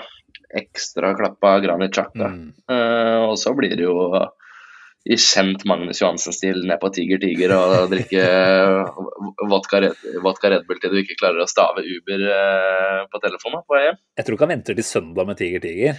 Det blir vel en liten en på lørdag nå. ja, han eh, Jeg tror han kjører en dobbel Tiger Tiger. jeg. Ja, det vil jeg bli ja. veldig overraska hvis han ikke gjør. Jeg gleder meg, så jeg har jo vært eh, på tur med Magnus tidligere. Han er jo en eh, ordentlig hedersmann å, å, å reise med. Um, han er jo en eh, Ja, nei, jeg gleder meg som, eh, som bare det. Um, jeg skal jo også bo på um, skolen jeg gikk på, så jeg treffer jo oh, gamle, gamle, stu, gamle studiekamerater òg. Faen, det er jo så koselig, da. Jeg er jo ikke en mann som har råd til hotell i London og så Hellas, ikke sant. Men her må det jo melkes. Uh, altså, jeg gir en, jeg gir en kamerat uh, tre øl på puben for å bo på rommet hans. Så det er helt, uh, helt greit. Det tyder vel på at eh, noen syns du er en hyggelig kar å ha på overnatting òg. Nei, men det er jeg er jo er helt eh, Nei, jeg syns jeg er Jeg syns jeg står meg, altså. Jeg syns jeg står meg. Ja. Uh, han, han er jo Tottenham-fan, han er kompisen min. Så jeg Det skal nei, vi hadde med så vidt på en, en postmatch-pod. Ja, det stemmer. Ja, stemmer det det. stemmer. Uh, ordentlig, ordentlig kar. Men som han selv sa, at eh, hadde det gått hele veien for deg, så hadde jeg fått deg til å sove ute. Altså. Det hadde jeg ikke orka. Da hadde du blitt slitsom. Så, så, så nå skulle han stå klar med åpne armer sånn. Det var ikke noe problem. Ja, altså Stakkars Tottenham-fans eh, som faktisk eh, ser ut til å klare å gosse seg mer med at Arsenal eh, nå svikter på målstreken i ligagullkampen, enn at de selv er der de er. da. Altså, så, det verste bildet jeg så her, det var vel i går eller noe, det. Etter at Tottenham runda sin sesong på hjemmebane med 1-3 mot Brentford. Så sto det en tulling der med et svært flagg med print av Arteta og en eller annen sånn surrete quote. Jeg husker ikke akkurat hva det var det sto, jeg, men helt alt av energi var brukt på at Arsenal ikke sto hele løpet ut her, mens Tottenham virkelig kommer til å falle fra hverandre. Altså, Kane stikker, en tropp som er eh, skrudd sammen for å funke under Antonio Conte og ikke være i nærheten av det. Altså, Tottenham begynner å komme tilbake til eh, sin gamle middelmådighet for fullt nå. Ja, de må starte på nytt. Loris eh, stikker. eh, Det er jo et pluss for dem. min-. Jo, jo, det er det absolutt. Eh, Nei, han er fæl, han kameraten min nå. Han sender meg meldinger daglig og er sånn der at jeg skal aldri høre noen ting igjen om at eh, Tottenham botla ditt og datt. Og, og da tenker jeg, hvis fokuset ditt ligger der når dere er ræva og mister Premier Leagues beste spiss utenom Haaland, da er det, da er det tungt. Da, da kan jeg ikke hjelpe deg. Men hvis det er det som er Tottenham-DNA-et, så, så kan vi ikke la oss overraske heller. Det er sånn, Nei, nei, sånn de er opplært. Nei, ja, det er jo det her jeg liker med fotball. Det er jo å kødde med gutta og, og ha den derre brodden. Være litt sånn spydig med kamerater som holder med noe annet. Det er det beste jeg vet. Faller seg naturlig. Ja, det, det tar jeg begge veier òg. Det er ikke noe Ja, problem. det Og må han, eh, være åpen for. Er du gæren? Er du gæren? Jo da, nei, så jeg gleder meg veldig til tur med Magnus. Det blir helt uh, suverent. Jeg gleder Men, meg eh, til oppdateringer. se- Jeg får se om han klarer å holde koken ennå, da. Han begynner jo med all respekt. Og han er jo ikke 23 lenger, sånn som undertegnede. Jeg tror han tar det der som en uh, grei challenge uh, når han hører på dette her i morgen. ja, det håper jeg. Det håper jeg. Han må bare um, skrive testamentet først. ja, det er nok fornuftig. Nei, jeg kan jo skrive under på at Magnus, når han får i seg akkurat passe, er veldig fin og veldig rask eh, på en lørdagsnatt eh, nede i London på, rundt Piccadilly der. Ja, er du gæren? Nei, men dere får uh, nyte overfarten, Sivert. Uh, du får uh, passe på at du tar med deg aerusen, så du ikke blir sittende og tørke nese hele neste helg. Det er jo ikke pollen i London, det er jo bare eksos og dritt. Så det er jo det er jeg ikke allergisk mot. Holder deg langt unna parkene der. Ja, er du gæren. Jeg skal ikke ligge i Hyde Park og drikke, drikke rosévin med Mainz, jeg, altså. Det, det, skal jeg ikke. Vi skal finne oss det bruneste ølet mulig. Og har de Guinness, så er det et pluss. Ja, åh, det høres så bra ut her. Uh... Fins det helt ærlig noe bedre uh, enn å lande i London, uh, gå på hotellet, få lagt av seg bagen, og så møte reisefølget ditt på en pub, mm. og så bare stirre den derre extra cold Guinness-etiketten rett inn i hvitøyet, og bare tenke de neste fire timene så skal jeg ha åtte av deg. oh, det er så deilig, det. Altså, ordentlig god Guinness. Skikkelig oh. på tapp, det der. Åh, oh, det er så nydelig. Ja, kanskje, Jeg vet ikke om jeg har nevnt det på, på poden tidligere, men eh, jeg hørte i hvert fall på ja, samme, Jeg nevnte tidligere, jeg driter i det. Guinness er godt. Hva kalte du det? Guinness er godt. Ja, Guinness er godt. Ja, ja. Vi er fortsatt på Guinness nå. Ja, Guinness er godt. Guinness er godt. Nei, altså Det er den største underdrivelsen du kan komme med, faktisk. At Guinness er uh, godt. Det er, uh, det er publiv, det. Rett og slett for meg. Men pleier, pleier, du å kjøre Altså, du må jo kjøre enten så må du mellom skriften og harpa, eller så må du splitte G-en. Det er uh, Du har to sånne måter å starte å drikke Guinness på. Å oh, ja. Det har jeg vel egentlig aldri gjort meg opp noe formening om, faktisk. Hva er fasiten? Nei, for, nei, jeg trodde det var å komme akkurat mellom skriften og harpa, ikke sant. Det er, det er tre og en halv slurk. Det trodde jeg var helt perfekt. Uh, og så var jeg i London da, på St. Patrick's Day i fjor. Gølva en Guinness på tre og en halv slurk. Mm. Kom akkurat mellom skriften og harpa. Og så sa jeg til gutta mine se på den her, det her er jo helt klasse. Det er sånn du drikker Guinness, gutta. Og så blir jeg da pirka på ryggen da, av en sånn herre uh, uh, irre som uh, sier Og jeg bare siterer, jeg er ikke enig med ordbruken, men han sier you, You fucking poofed it, drink it like this. Og så viste han meg at du skal splitte G-en. Oh, ja. um, og det var fire og en halv uh, slurk, tydeligvis. Og hvis du ikke okay. gjorde det, så var det, da var det, det Da var du Da kunne like så godt la være. Liksom. Så du fikk pes på det, altså? Men det er greit? Ja, han, han, kalte meg jo Ja, han kalte meg jo homo. Eh, jeg skjønner ikke hva det har med min legning å gjøre, åssen jeg drikker Guinness, men uh, det er greit. Men tar du det til deg, eller står du last og brast ved din opprinnelige måte å drikke Guinness på da? Det ville jeg egentlig Nei, jeg, jeg bytta jo jeg, ja, jeg bytta momentant, jeg. Jeg er gæren. Jeg skal ikke få dritt av en irre og så fortsette å gjøre feil. ja, Mattelæreren kommer bort og sier at dette, dette altså, her har du jo plussa før du har ganga på ligninga. Det må jo ta rekke, riktig rekkefølge. Så du ser jo ikke, ser ser jo ikke, på, ser jo ikke på læreren din da og sier 'jeg skal fortsette å gjøre feil'. det går jo ikke. Nei, hvis alle irrer eh, veit hva de altså Selvfølgelig det er det de vokser opp med der oppe. selvfølgelig, Det er morsmelka, det. Så de burde jo vite hva de prater om. Ja, ja. Når jeg, når jeg fikk lov av fatter'n å begynne å drikke Red Bull da jeg var 13, så begynte han å drikke Guinness. Det er jo mm. Åh, oh, nå fikk jeg faktisk ekstremt lyst på å bare gå raskt bort på Kiwi og bryte meg inn og dra med et par uh, bokser ut. Men det er liksom ikke i nærheten da, å drikke Guinness fra boks. Jeg syns ikke det er så ille, men jeg hadde ikke hørt meg til kjeltring for det. Nei, det er noe med det. Så kan man vente til eh, i morgen tidlig. Så var det den hvite måneden min som eventuelt ryker også. det er gravt, ass. Mandag morgen halv, mandag morgen halv ni. Dra med seg brødet og så fire Guinness ut. Skal bilen, bilen på verkstedet i morgen tidlig, så jeg få lov til å starte litt seinere på jobb. Men da er jo spørsmålet skal jeg ta sjansen på å kjøre på to Guinness uh, i morgen tidlig. Det er jo ikke noe problem. Nei, kanskje ikke. Nei, Men du har jo lov til å kjøre på 05, du har du ikke det? 05? Har vi lov til det? Da... Ja, hvis, du, hvis, du, har hatt lappen så i, i ti, ti, år eller hva det er, så, og aldri gjort noe gærent Jeg er gammel, men jeg har faktisk ikke hatt lappen i ti år. Men er det greier, altså? Jeg trodde det var 02 Ja, uansett. Ja.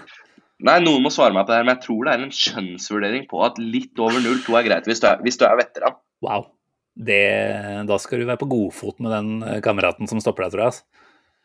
Nei, er, kanskje jeg bare babler. Så da henviser jeg til eh, podkameraten min Sivert når jeg blir stoppa i kontroll i morgen tidlig. Jeg sier ikke at du kan ha 0,5, da, men hvis du har 0,28 da, og blir stoppa når du er 40 år gammel og har hatt lappen siden du var 18, så tror jeg ikke de, de tar lappen din bra, da. Nei, jeg vet ikke.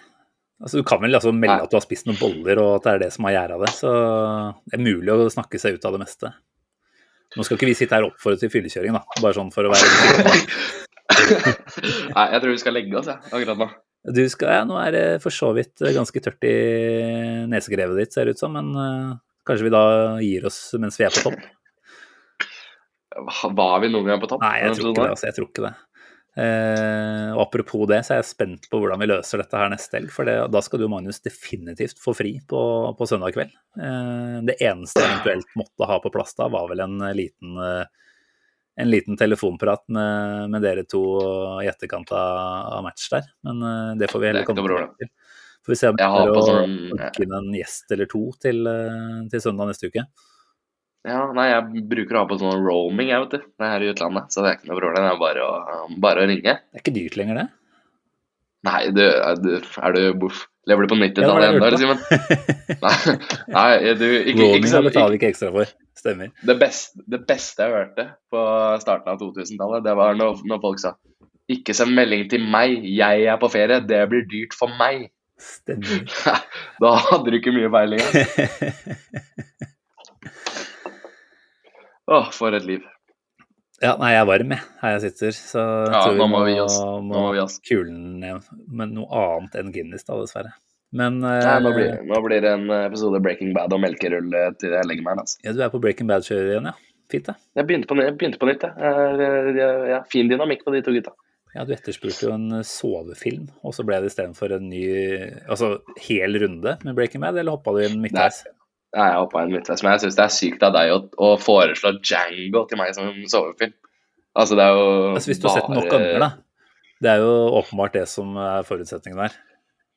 Ja, men det er jo, et, eh, det er jo et, en ordbruk der som jeg ikke får meg i søvn. Det sånn. Det er ikke noe, det er, det er ikke noe fader Jakob, den Django Unchained. Altså. Nei, det er for så vidt sant. Men altså, greia med sovefilmer er at de må jo være gode nok til at det er mulig å få god søvnkvalitet ut av dem, på en måte.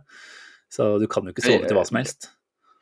Nei, Um, Du må bare ha sett den filmen nok ganger.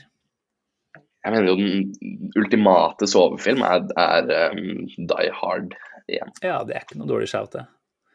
Nei. Jeg meldte, Yes, vel, er ja, nei, jeg eh, meldte vel The Departed. Kanskje det er den jeg skal gå og sette på her nå etterpå. Den er ikke håpløs. Vi trenger Noen må sette opp en liste med sovefilmer. Ja, fint å ha et lite, lite bibliotek å ta fra der. Så hvis folk da kan være vennlige og sende inn bilde av bikkja si og hvilken time de liker å sove til, så, så blir det veldig bra respons i, i morgendagens kommentarfelt. Ja, gjerne. Skal vi, gjerne det. må vi friste med en premie her òg, eller? Ja, beste sovefilmen Uh, Skal vi se. Uh, 100 spenn inn på Vips av meg. Eh, 100 spenn. Ok, vi er rause. 100 spenn. Fra oss begge, da, så, så blir det en solid uh, jobb, dette her. Greit, greit. Nei, men Sivert, takk for praten. Jeg tenker vi runder av jeg. I like måte. Bare en siste oppfordring til lytterne våre da. Det er jo som vanlig at vi gjerne tar imot uh, litt positiv oppmerksomhet på Spotify og iTunes. Uh, så hvis du ikke har vært inne og rata noe der, så gjør gjerne det. Ja, og så følg oss på Pod Arsenal. Og øh, ikke følg øh, AFTV. Ja, Nei, det er ingen Er ikke de helt irrelevante om dagen, da? Jo, men jeg bare ville Ja. Hvorfor Enig. ikke? Nei, enig. Det er fint, det. Jeg slutter meg til den. Ja. Takk for eh, laget, mister. Du får ha en god uke og god tur til London når den tid kommer. Så, Takk for det. Jeg ønsker alle en strålende mandag morgen, eller når enn du hører på. Fin tid. Ha det bra. Ha det.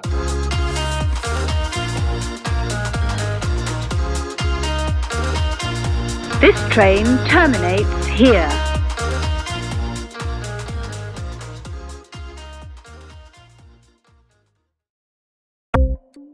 Ukens annonsør er HelloFresh. HelloFresh er verdens ledende matkasseleverandør og kan være redningen i en travel hverdag. Mange av oss har nok vandret i butikken både sultne og uten en plan for middagen, som ender med at vi går for de samme kjedelige rettene gang på gang. Middag burde være dagens høydepunkt. Som HelloFresh kan du nå velge mellom 25 ulike retter hver eneste uke, eller få HelloFresh til å sette sammen menyen for deg. Dette gir deg muligheten til å prøve nye og spennende retter alene eller sammen med familien. Du velger antall porsjoner og får alt levert på døren på et tidspunkt som passer for deg. Oppskriftene er enkle, og maten er lett å lage både for store og for små. Ved å få alt levert hjem får du også mer tid til å dele matgleden med familie og venner. Kanskje det frister med asiatiske tacos eller greskinspirert kylling? Da kan jeg anbefale deg om å gå inn på hellofresh.no. Her kan du bruke koden FOTBALL og få opptil 1779 kroner i rabatt på de første fem matkastene hvis du ikke har prøvd HelloFresh tidligere. Du kan også bruke rabatten hvis du har vært kunde og stoppet abonnementet ditt for tolv måneder siden eller lengre. Gå inn på hellofresh.no og bruk koden FOTBALL. Har du et enkeltpersonforetak eller en liten bedrift? Da er du sikkert lei av å høre meg snakke om hvor enkelt det er med kvitteringer og bilag i fiken, så vi eh, gir oss her, vi. Fordi vi liker enkelt. Fiken superenkelt regnskap.